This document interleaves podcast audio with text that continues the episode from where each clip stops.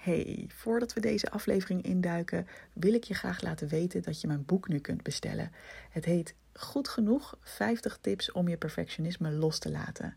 En je kunt het bestellen via evelienbijl.nl/slash boek. Ik ben super benieuwd wat je ervan vindt.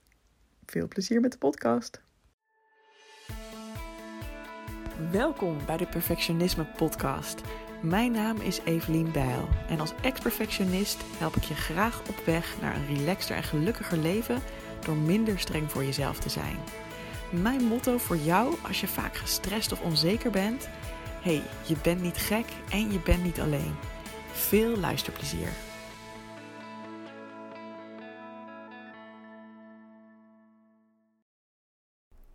Hey, welkom terug bij de Perfectionisme Podcast. Vorige week had ik je al helemaal meegenomen in stel dat je hebt gefaald, tussen aanhalingstekens. Um, hoe ga je daar dan mee om? En toen gaf ik je het voorbeeld van uh, dat ik mijn rijexamen niet gehaald heb uh, de eerste keer. En uh, ik moet nog kijken of ik het een tweede of een derde of een vierde keer wel haal. Dat gaan we nog allemaal meemaken. Um, maar het leek me fijn om deze week je mee te nemen in wat nou als je een fout maakt waar een ander last van heeft? Hoe repareer je dat dan? Want zo'n rijbewijs niet halen is natuurlijk vervelend, maar daar heb je bijvoorbeeld vooral zelf last van. En misschien heb jij ook wel situaties waarin je dat, um, ja, zo'n situatie hebt. Luister dan lekker de vorige podcast en kom daarna terug naar deze podcast. Um, want het kan ook zijn dat je iets anders meemaakt. Stel bijvoorbeeld dat je een mail hebt gestuurd met verkeerde informatie en daardoor is er iets misgelopen. Of je hebt iets niet zo handig aangepakt of iets onaardigs gezegd. Kortom, jij hebt iets gedaan wat niet zo handig was en waar een ander ook echt door beïnvloed is. Nou, daarvoor is deze podcast en daar neem ik je ook heel graag in mee van hoe je daar handig mee om kan gaan. Uh, en mijn eigen voorbeeld dat ik hierbij uh, af en toe zal aanhalen is uh, iets wat ik me nog heel goed kan herinneren uit mijn tijd in loondienst. En dat is dat ik een sessie had met een team dat ik coachte. Het was een team van een directeur met drie managers onder haar. En um, nou ja, om meteen even in de fout te duiken. Um, ik had het gevoel dat uh, de directeur haar managers niet helemaal goed hoorde en niet helemaal serieus nam. En in plaats van dat gewoon goed te bespreken um, en daar als adviseur bij te zitten, want ik was een adviseur, um, ging ik eigenlijk, trok ik eigenlijk helemaal partij voor de kant van de managers en ging ik helemaal met hen mee in de aanklacht van nee, dit is echt belachelijk, we moeten het echt anders doen. En uh, ja, werd het ook best wel fel tussen die directeur en mij. Alright, dit is hoe ik ermee om ben gegaan. Want achteraf besefte ik wel van, oeh, dat was misschien niet het handigste om te doen. Kijk, allereerst de valkuil die je als perfectionist vaak hebt in zo'n situatie, is dat je dan inziet van, oh, ik heb iets niet goed gedaan. En dat je dan meteen enorm in paniek schiet en allerlei acties wil gaan ondernemen om het goed te maken. Of dat je bijvoorbeeld meteen allemaal dingen willen gaan, wil gaan roepen over, oh, wat stom van mij, dat had ik helemaal niet moeten doen. En weet je, daar heeft echt helemaal niemand wat aan. Daar wordt niks of niemand beter van. Dus druk heel even op de pauzeknop als je bij jezelf merkt dat je in zo'n kip zonder kop modus wil gaan. En als daar ook maar enigszins ruimte voor is, keer dan heel even naar binnen. En hè, bij mij was het bijvoorbeeld, ik had het door na afloop van de sessie, dus daarna kon ik even gaan reflecteren op wat voel ik nou precies? Wat is er aan de hand? Ik voelde frustratie richting die manager, maar ook naar mezelf toe dacht ik ook wel, oh, ik schaamde me ook wel een beetje voor. Ik was ook wel een beetje boos op mezelf misschien. Hè, er kan schuldgevoel zijn, je kunt angst hebben over wat gaat er dan nu gebeuren. En neem dit echt allemaal even waar. Neem hier de tijd voor en misschien kun je het zelfs even opschrijven. Dat gezegd hebbende, soms ben je natuurlijk in een situatie waarin je face-to-face feedback krijgt of iets merkt van, oeh, wacht, dit heb ik niet handig gedaan. En dan heb je misschien wel het gevoel dat je in de situatie moet reageren. Nou, wat dan altijd goed is, is om sowieso het gevoel van de ander te erkennen. Van, oh, wat vervelend, ik zie dat, je, dat het je raakt of dat je het niet fijn vindt of dat je hier last van had. Dat was natuurlijk niet de bedoeling. En kijk dan even bij jezelf, um, is dit voor mij al voldoende helder? Uh, snap ik al voldoende wat hier aan de hand is? En ook heb ik al voldoende de tijd genomen om even zelf te voelen, oeh, wat is hier nou precies gebeurd? En hoe voel ik me daar eigenlijk over? En zo niet, dan kan je altijd zeggen van, oh, ik merk dat het een klein beetje overvalt. Vind je het goed als we er later nog heel even op terugkomen? Want ik wil dit graag serieus en goed met je behandelen. Ehm, dus is het goed als ik je zo meteen even terugbel daarover? Dan kan je heel even voelen hoe je je voelt. Ehm, en dan bijvoorbeeld op een later moment bellen of uh, mailen of nou ja, wat voor afspraak je dan ook maar maakt. En ehm, de andere stappen die ik zo meteen hier geef, die kun je ook in het gesprek meteen doen. Dus het gaat er vooral om dat je even bij jezelf waarneemt. Heb ik even ruimte nodig om hierop te reflecteren? Moet ik nog wat vragen stellen ook um, om het door te hebben? Goed te snappen wat hier aan de hand is. Uh, dat is sowieso een goed idee om altijd goed door te vragen. Erken sowieso het gevoel van de ander. En vraag eventueel om uitstel, zodat je wat tijd hebt om voor jezelf te kunnen evalueren wat er allemaal aan de hand is. Nou, wanneer je dus met dat gevoel hebt gedeeld, en daar had ik het in de vorige podcast ook al wat uitgebreider over, um, dan kun je toegaan naar, oké, wat is hier nu precies gebeurd en wat is er dus nodig? Wat is er nou eigenlijk gebeurd? Um, ja, jij had waarschijnlijk een bepaald gevoel, je had een bepaalde trigger en daardoor is er iets gebeurd. En dat is niet om iemand anders de schuld te geven uh, of om het voor jezelf goed te praten, maar breng in kaart hey, wat, wat was er nou eigenlijk aan de hand? Wat voor gevoel had ik? Misschien wel wat voor verkeerde aanname maakte ik? Um, hoe kwam dat precies? En wat heb ik toen gedaan wat niet handig was? En wanneer je dat in kaart hebt gebracht, kun je ook gaan kijken van oké, en wat zou er dan nu nodig zijn hè, als eerste om dit op te lossen? Damage control. Kun je misschien zelf al met een voorstel komen van wat, uh, ja, om dit te gaan repareren? Of heb je misschien zelfs twee mogelijke oplossingen waar je iemand uit kunt uh, laten kiezen. En hierbij kun je eventueel ook sparren uh, hierover met een collega of je leidinggevende. Of het kan met een vriend of vriendin als je daar prettig bij voelt. En dat hoeft niet, maar deze stap kan fijn zijn als je het idee hebt van, oh ja, ik wil even gespiegeld worden. En samen met die mensen tot een beter inzicht en dus ook een betere oplossing komen. Um, in mijn geval, die situatie waar ik het net over had, was dat mijn leidinggevende. Want dat was iemand bij wie ik me heel erg vertrouwd voelde. En waar ik ook echt het idee had van, oh ja, zij snapt de situatie ook wel. Zij kent het team, zij kent die directeur. Um, en ik vind het ook gewoon belangrijk dat zij het weet. Dus het was ook een soort van twee vliegen in één klap. Enerzijds, hey, uh, leidinggevende, weet even dat dit speelt. Dus als jij die directeur spreekt, dan weet je alvast mijn kant van het verhaal. Dat is gewoon heel slim en heel fijn. En ook hey, ik weet dat jij altijd hele goede ideeën hebt en ook goed met mij hierover kan hebben. Wat gebeurde hier nou precies en hoe kan ik dit gaan repareren? Uh, maar ik had er wel zelf alvast over nagedacht en ik had al bedacht, een mooie oplossing zou zijn, om, is om sowieso het gesprek met die directeur aan te gaan.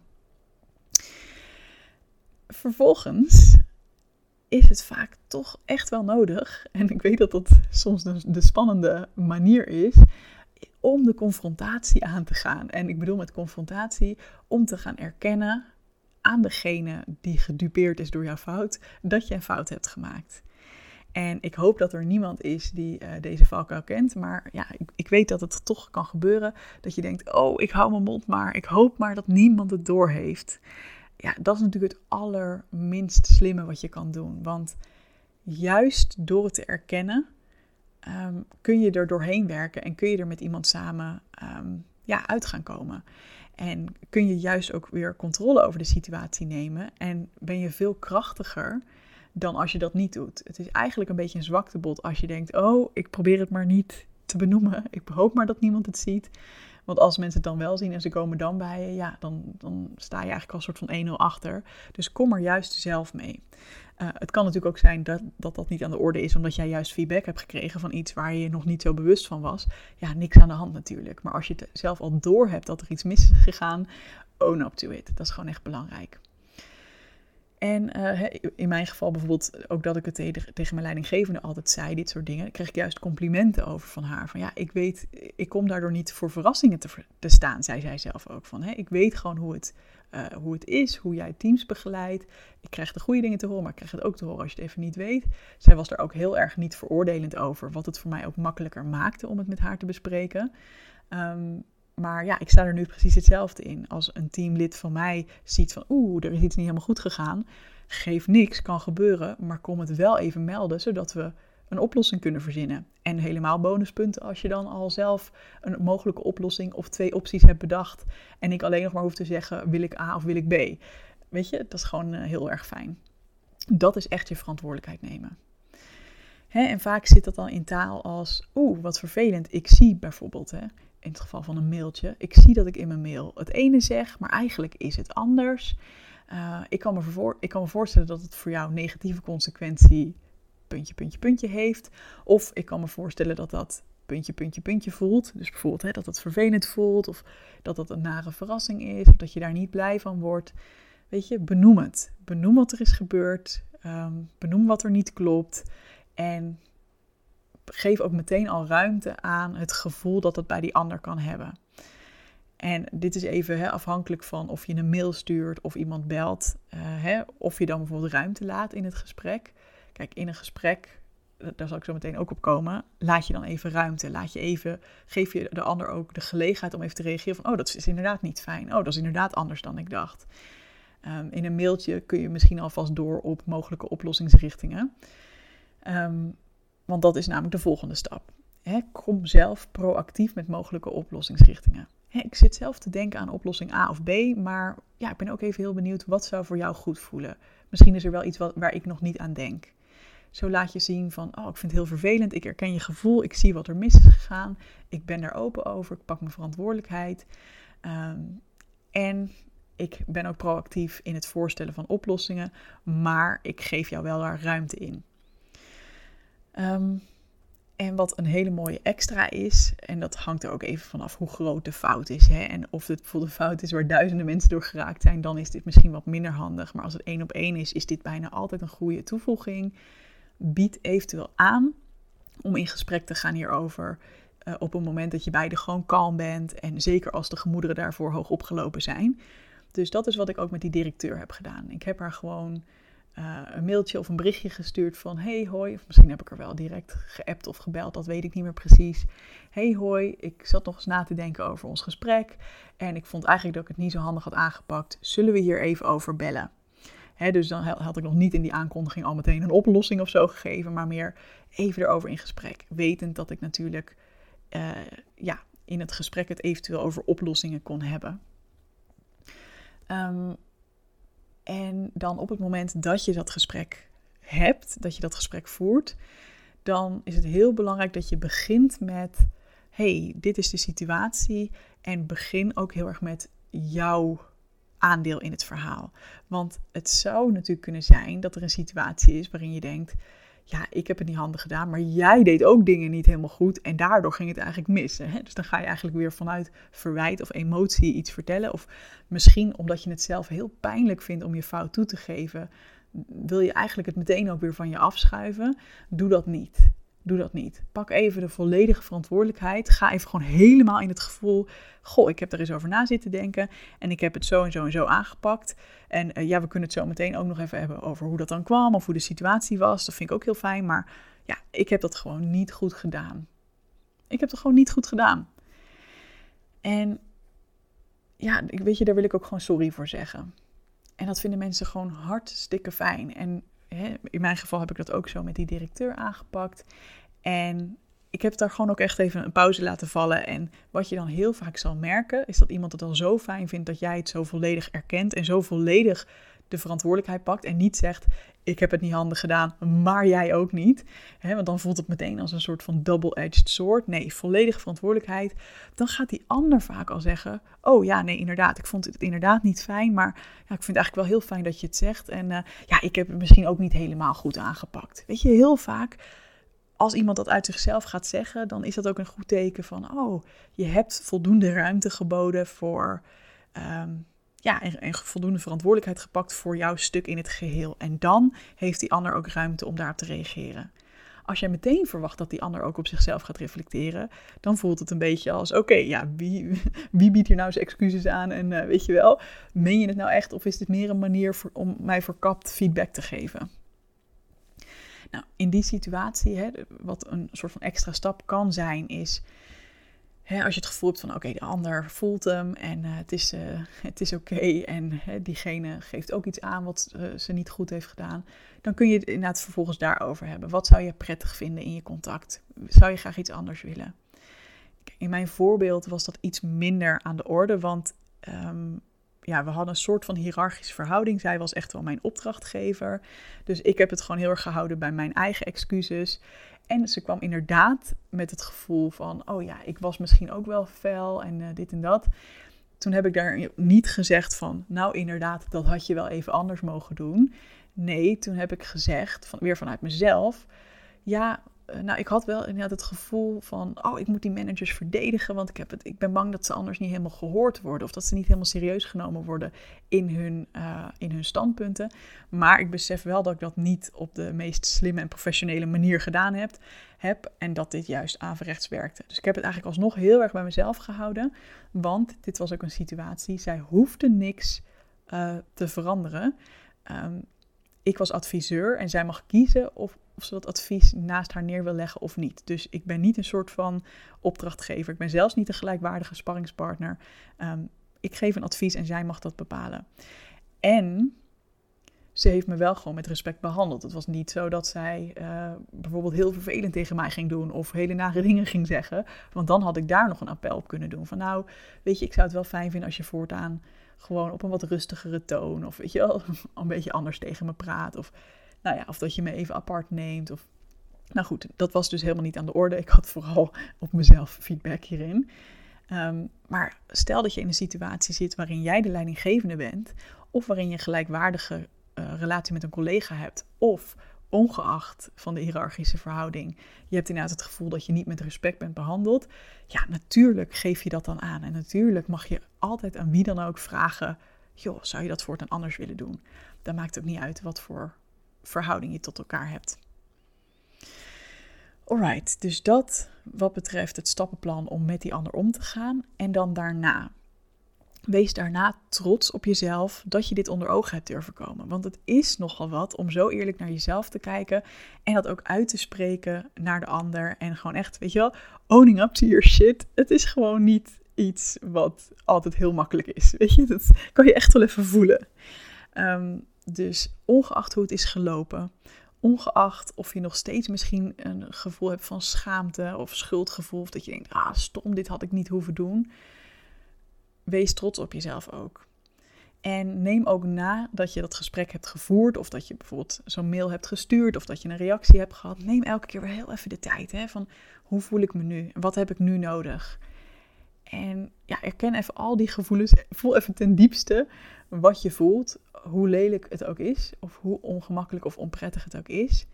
En zeg dan vervolgens tegen jezelf: Ik ben geen perfect mens en dat hoef ik ook nooit te worden. Het beste wat ik kan doen is van alles wat ik meemaak leren. En het de volgende keer anders proberen te doen. Weet je, dat is het enige wat je kan doen. Meer kan je niet doen. Je kunt niet voorkomen dat je ooit nog een fout maakt. Maar je kunt wel een commitment maken op een hele fijne manier, op een hele relaxte manier. Oké, hier leer ik weer van. Dit neem ik weer mee. En dat is dan ook meteen de laatste stap. Wat wil je hiervan meenemen? En daar hadden we het vorige week ook al even over. En het is heel belangrijk dat dat niet is, dit mag nooit meer gebeuren, deze fout mag ik nooit meer maken. Nee, dan ga je verkrampt in je werk zitten. Dan ga je verkrampt, misschien is het geen werksituatie voor jou, maar een privésituatie. Ik heb dit ook in relaties gehad. Ik dacht, oh, ik ben echt heel bitchy geweest. Dit mag ik nooit meer doen. Ik moet voortaan heel aardig zijn tegen die ander. En dan ging dat een tijdje goed, want een tijdje kan je jezelf nog wel forceren. Maar uiteindelijk werkt dat natuurlijk niet. Dus in plaats van dit mag nooit meer gebeuren, kan je veel beter de methode toepassen die we ook in goed genoeg aan je leren. Ehm, en ik zal hem hier niet helemaal delen, maar hè, ook voor de lengte van de podcast. Dus kom vooral lekker en goed genoeg meedoen als je hier ja, wat steun in kan gebruiken. Maar wat je kunt doen is dat je kijkt, wat was mijn rode vlaggetje in deze situatie? Dus waar werd ik getriggerd? in mijn geval, in het voorbeeld dat ik deze podcast benoemde, mijn rechtvaardigheidsgevoel werd getriggerd. En het idee van ik moet opkomen voor deze managers, want ze worden niet gehoord door, door hun baas. En dat is een heel goede vraag om dan aan jezelf te stellen. Niet, ik mag nooit meer zo'n rood vlaggetje hebben, of ik mag nooit meer dit doen, deze fout maken. Maar hey, stel er komt weer zo'n rood vlaggetje. Dus ik voel weer, ik vind het niet rechtvaardig wat hier gebeurt. Ik heb het idee dat deze mensen niet gehoord worden. Wat zou ik dan graag anders willen doen? dus deze keer ben ik in de strijd gegaan, ben ik naast ze gaan staan en ben ik tegen de, de directeur ingegaan. Maar wat zou ik liever doen? Bijvoorbeeld het even benoemen, of even een time-out nemen, of even één op één met een directeur of hè, met, in, een vergelijkbare situatie met een vergelijkbare persoon één op één praten. Uh, even rust nemen, even letterlijk een stapje naar achter doen. Nou, dat zijn voorbeelden van wat ik anders zou kunnen doen, wat ik hiervan geleerd heb. En nogmaals, het is heel belangrijk dat je daar ook mild voor jezelf in blijft. Dat het niet voelt van, zie je, ik ben weer in die situatie. En uh, weet je wel, dat je dan weer heel erg jezelf gaat veroordelen. Dus als je merkt dat die zelfkritiek bij jou echt wel ja, heel erg blijft uh, opspelen, um, ja, doe dan daar echt iets aan. Ga iets doen om met je perfectionisme te leren omgaan. En dat kan bijvoorbeeld goed genoeg zijn, maar het kan ook een ander programma zijn of iets wat voor jou werkt. Je bent in ieder geval van harte welkom. Hey, superleuk als je weer even laat weten of je hier iets aan hebt gehad. En heel graag tot volgende week. Hey, vond je deze podcast te gek? Check dan zeker even mijn online programma Goed Genoeg, speciaal voor perfectionisten. Want heel eerlijk, in je eentje kun je ook een heel eind komen met het loslaten van je perfectionisme. Maar als je meedoet aan dit programma, heb je alle tools in handen om veel sneller deze ontwikkeling door te maken. Ga naar doelgerichtecoaching.nl/slash goed genoeg en wie weet zie ik je binnenkort.